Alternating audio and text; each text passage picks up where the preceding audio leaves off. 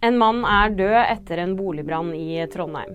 Mannen ble etter kort tid hentet ut av røykdykkere og erklært død på stedet. Det var mye røyk fra brannen, og politiet ba naboer om å lukke vinduer. Mannen skal være i 90-årene og er den eneste som bodde på adressen. Norge er på klamydiatoppen. Antall tilfeller av seksuelt overførbare sykdommer øker i Europa, ifølge en ny rapport. Klamydiasmitten er høy i de nordiske landene. Klamydia er en kjønnssykdom som smitter ved samleie, og som kan gi helseplager, f.eks. redusert fruktbarhet hos kvinner. Skuespiller Ryan O'Neill er død. Den amerikanske skuespilleren ble 82 år gammel.